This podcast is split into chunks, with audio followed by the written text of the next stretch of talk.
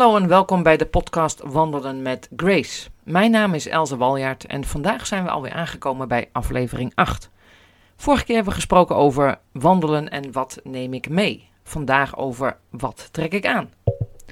Misschien niet echt belangrijk als je gewoon even een ommetje gaat maken, een rondje in de wijk gaat lopen of als je tijdens je vakantie op stadsverkenning gaat en een stukje gaat wandelen. Anders wordt het als je langere afstanden gaat lopen en of de natuur ingaat. Goed voorbereid zijn qua kleding kan een wandeling plezieriger maken en je lichaam beschermen tegen ongemakken. En dan hebben we het over schoenen, sokken, korte of lange broek, shirts en jas, regenkleding, kleding bij hitte of koude en ook over hoofdbedekking en handschoenen. Toen Grace en ik besloten te gaan trainen en veel te gaan wandelen, wisten we eigenlijk niet heel veel van de juiste kleding. We gebruikten ons gezond verstand, maar leerden natuurlijk wel gaandeweg de weken die volgden. Qua kleding droegen we vaak laagjes over elkaar en afhankelijk van koude of warmte juist goed sluitende of wat luchtigere kleding. Je moet eigenlijk niet afgaan op je eerste gevoel en de eerste minuut als je buiten komt, omdat je jezelf meestal binnen 10 minuten warm loopt. Natuurlijk bekeken we de weersvoorspellingen en de temperatuur, maar het is zeker ook goed om rekening te houden met de gevoelstemperatuur. Ik herinner mij één wandeling met een buitentemperatuur van rond de 0 graden, maar vanwege de snijdende oostenwind was de gevoelstemperatuur wel min 10. Ik heb gelezen dat men dit windkoude noemt. Toch een interessant weetje. Het is dus belangrijk om daar rekening mee te houden. De laagjes kleding zijn handig om jezelf als het ware af te pellen als het warm wordt. En zeker weer laagjes aan te trekken als je pauzeert. Of als ineens de wind fel opsteekt of de zon achter de wolken verdwijnt. Een dikke winterjas is op zich fijn, maar als je het warm hebt en je doet deze uit, is het meteen een stuk kouder. En waar laat je die dikke winterjas? Kortom, laagjes met eventueel een vliestrui of een vliesjas helpen heel goed. Ze zijn goed opvouwbaar en licht van stof en zorgen voor genoeg bescherming tegen de kou. Bij warmte of hitte of veel zon vooral luchtige kleding dragen, maar ook bedekkende kleding. En als het gaat om regen, gebruikte Grace een poncho. Superhandig. In één keer rugzak en haarzelf beschermd tegen de regen. Ik gebruikte een regenhoes voor de rugzak en een regenjas voor mezelf. Meer werk, maar het beschermde ook prima. Met poncho zag Grace minder charmant uit dan mij, dus misschien ben ik wel meer ijdel. We hebben in ieder geval vaak om gelachen, omdat het soms leek of ze zo uit de film De Klokkenluider van de Notre Dame kwam, met het karakter van Quasimodo. Hoe dan ook, we waren beschermd tegen de regen.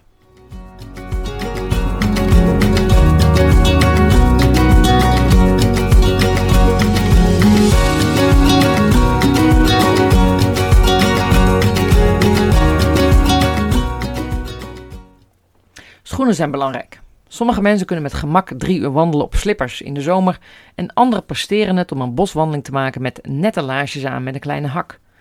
Maar om je lichaam te ondersteunen en om goed voor je lichaam te zorgen zijn goede schoenen belangrijk. Tegenwoordig zijn er zoveel variaties in dat het goed is je voor te laten liggen bij speciaalzaken, zoals de ANWB, buitenspeciaalzaken, kampeerwinkels of check de site wandel.nl voor meer gedetailleerde info. En tegenwoordig zijn die schoenen ook best wel hip en staan ze best modern. Al is de mening van sommige tieners over hun vader of moeder die dat draagt soms wel anders. Een vriendin van mij vertelde namelijk dat haar dochter zich soms wel schaamde voor de lompe wandelschoenen van haar moeder. Helemaal als zij ernaast moest lopen. Tja, laten we dat maar op de leeftijd houden. Sokken zijn ook belangrijk. Iets waar ik mij nooit zo bewust van was, maar zeker heb geleerd gedurende deze lange wandelingen. Sokken die goed sluiten, goed ventileren, goed passen in de schoen en niet schuren. Een extra paar sokken is handig als je lang gaat wandelen. Je kan zweten en natte sokken krijgen. Wissel dan om de paar uur van sokken. Dit is iets wat ik echt heb geleerd en waar ik nu veel beter op let. Tijdens al onze wandelingen ben ik één keer gestopt en naar huis gegaan omdat mijn voeten zo een pijn deden. Eenmaal thuisgekomen ontdekte ik dat mijn voeten oververhit waren geraakt en ik bijna brandwonden had van oververhitting. Dat heeft echt dagen geduurd voordat mijn voeten hersteld waren. En dat had echt te maken met sokken, in combinatie met schoenen en ventilatie.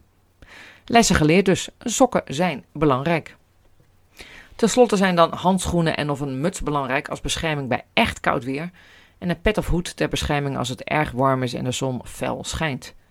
Qua handschoenen droeg ik altijd vingerhandschoenen, waarbij mijn vingertoppen vrij waren, zodat ik onderweg nog van alles kon doen. Variërend van eten pakken, foto's nemen, met een balletje of een dennenappel gooien en de smartphone bedienen. Maar dat is persoonlijk wat jij prettig vindt. Geen opdracht als het gaat om kleding. Wel goed om hier bewust mee bezig te zijn als je vaker en meer kilometers wandelt. Het kan voorkomen dat je te koud of te warm hebt. Het kan blaren en verbranding helpen voorkomen. Je letterlijke ademhaling en beweegruimte vergroten. En het plezier en de gezondheid stimuleren. Ik zou hier dus zeker mijn voordeel mee doen.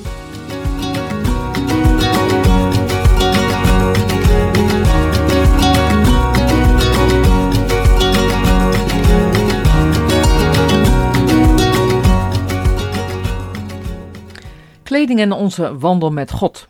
Hoe zijn we voorbereid op onze dagelijkse wandel met Hem? Moeten we daar überhaupt op letten? Vorige keer werd het belang gezien van goed eten en drinken, ook geestelijk gezien.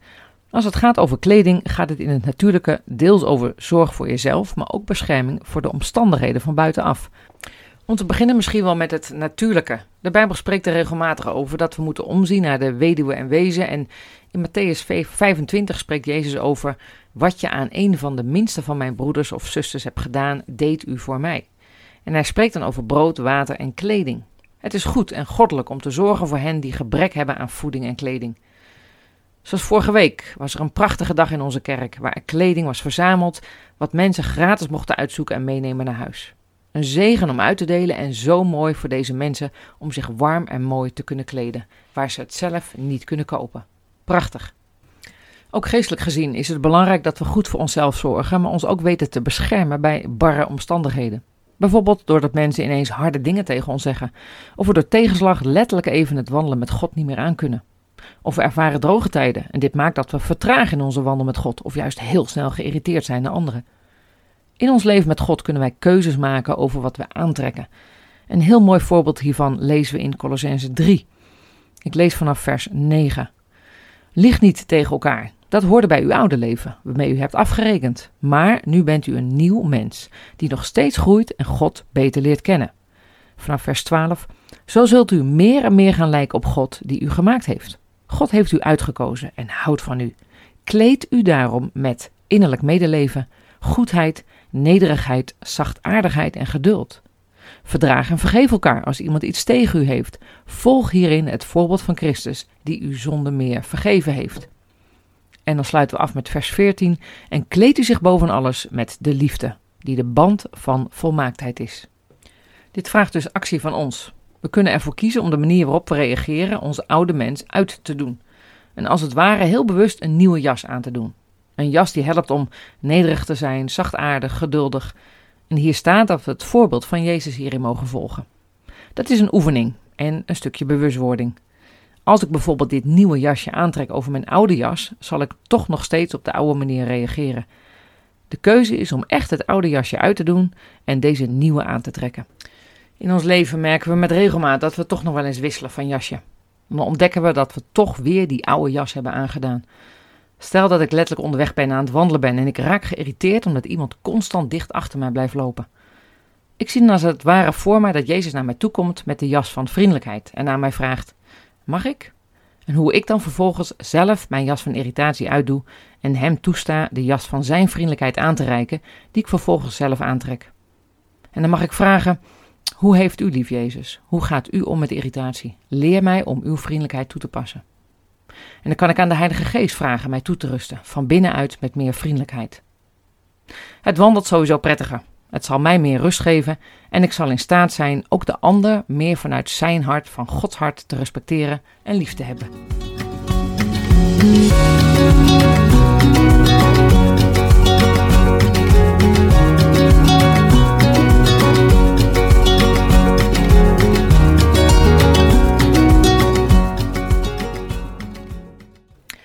Een andere vraag als het gaat om kleding, als het gaat om onze geestelijke outfit, is of we er vooral goed willen uitzien voor de buitenwereld door het perfecte jasje aan te trekken. Of schoenen die er modieus uitzien, maar waardoor we misschien wel blaren krijgen. Ons geestelijk mooi voordoen, maar daardoor zo in een kramp komen dat we blaren krijgen in onze geest. Het gaat wringen. We raken vermoeid. Het kost ons constant energie in plaats van dat we lekker ontspannen met Jezus wandelen. Misschien niet perfect eruit ziend, maar wel transparant en eerlijk, inclusief onze fouten, maar levend door genade. In connectie met onze outfit moet ik denken aan een duidelijk verhaal in de Bijbel die spreekt over kleding, inclusief schoenen. Het verhaal over onze wapenrusting. Het staat in Efeze hoofdstuk 6. En het gaat hier met name over jezelf kleden zodat de omstandigheden je niet overvallen. zodat je beschermd bent tegen gedachten en woorden van de vijand. Efeze 6 spreekt over een riem van waarheid, een borstpanzer van rechtvaardigheid, een schild om pijlen te weren en een zwaard van de geest, het woord van God, en een helm van redding om ons hoofd te beschermen. En dan schoenen om het goede nieuws van de vrede van God bekend te maken. Als we voor Jezus kiezen, zijn we omgord met waarheid, dragen we een borstpanzer van gerechtigheid. Het helpt ons als we iets fout doen om te weten dat als we dit erkennen en toegeven, we vergeven zijn door Jezus. Dat we rechtvaardig zijn en dit op ons hart mogen meedragen. De attributen horen eigenlijk thuis in onze rugzak. Een zwaard, het woord van God dat we in mogen zetten als we twijfelen of ons zorgen maken of overspoeld worden door stress of zorgen. Gebruik dan het woord van God, het zwaard van God. Dan wordt er gesproken over de helm van redding op ons hoofd. Zoals een pet beschermt tegen te veel hitte en een muts tegen te veel kou, zo kan de helm van redding ons beschermen tegen negatieve gedachten. Te weten dat we gered zijn door Jezus en leven vanuit genade en ons denken in lijn mogen brengen met Zijn gedachten en met Zijn principes en Zijn kijk op het leven en op ons. Een prachtig kledingstuk. Dan staat er over schoenen van bereidheid om het goede nieuws te brengen. Schoenen zijn bescherming rondom je voeten en voeten brengen je ergens naartoe. Je benen, je voeten dragen jou en kunnen jou naar eigen gekozen en op God gekozen plekken brengen, naar andere mensen leiden. Welke schoenen doe ik dan aan? Schoenen die mij leiden naar mijn geluk, naar mijn status, of schoenen die bereid zijn om Jezus te brengen naar hen die dit nieuws nodig hebben. Er staat in dit hoofdstuk schoenen met de bereidheid om het goede nieuws bekend te maken. Er staat niet schoenen die dit elke dag tot imperfectie moeten doen. Nee, het gaat over bereidheid. En die is gebaseerd op zijn liefde voor ons, voor mij.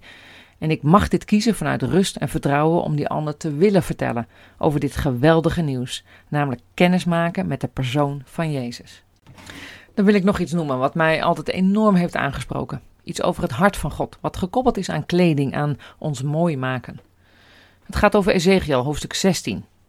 Dit hoofdstuk gaat over Jeruzalem en hoe God zich over haar heeft ontfermd en haar gered heeft en aangekleed heeft. En haar heeft zien opgroeien als een mooie vrouw. Het gaat over hoe Jeruzalem dan alsnog haar eigen weg gaat, een godsverbond volkomen afwijst en de prostitutie induikt. Hoe God daartegen is en boos over is en hoe God zich tenslotte toch weer verbindt met haar, omdat zijn verbond vaststaat en hij opnieuw kiest voor haar. De omschrijving, de liefde van het bekleden van Jeruzalem, als zijnde een baby die werd afgewezen en gered wordt door God, is zo mooi en zegt zoveel over het hart van God. In dit geval over Jeruzalem, maar zeker ook over ons. Dit is wat Vader graag doet en hoe liefdevol Hij is. Ik lees een stuk voor uit Ezekiel 16 en het kan dat dit over jou gaat. Laat je dan verwarmen door de liefde waarmee God zich over jou ontfermt. Ezekiel 16 begint bij vers 4. Toen u geboren was, bekommerde niemand zich om u. Toen ik u voor het eerst zag, was uw navelstrem nog niet afgebonden. U was nog niet gewassen. Niemand had u ingevreven met zout of aangekleed. Niemand had enige interesse in u. Niemand toonde medelijden of maakte zich zorgen. Op de dag dat u werd geboren, liet men u in het veld achter om te sterven, als een ongewenst kind. Maar ik kwam langs en zag u daar liggen, besmeurd met uw eigen bloed, en ik zei: Leef, groei op als een plant op het veld. En dat deed u. En dan verder vanaf vers 9 en 10. U groeide op tot een lange, mooie en soepele plant, een juweel tussen de anderen. Toch was u nog naakt. Van uw onreinheid heb ik u gereinigd en u met olie gezalfd, het bloed heb ik van u afgewassen. Nadat het huwelijk was voltrokken, gaf ik u prachtige linnen en zijden kleding, rijk bewerkte gewaden en sandalen van het duurste leer. Ik gaf u prachtige sieraden, armbanden en kettingen, een ring voor uw neus en twee ringen voor uw oren en een prachtige kroon. Zo werd u mooi gemaakt, met goud en zilver, en uw kleren waren van linnen en zijde, prachtig bewerkt. U at het beste voedsel en werd mooier dan ooit tevoren, zo mooi als een koningin. Alle volken wisten hoe mooi u was. Het was een volmaakte schoonheid, dankzij alle sieraden die ik u gaf, zegt de oppermachtige Heer. Einde citaat. Zo mooi is dat. Dit is het hart van God. Hij wil ons aankleden. Als wij naakt zijn, als we zijn afgewezen, als we ons besmeurd voelen, dan is dit wat Hij van ons wil maken. Zo ontzettend mooi.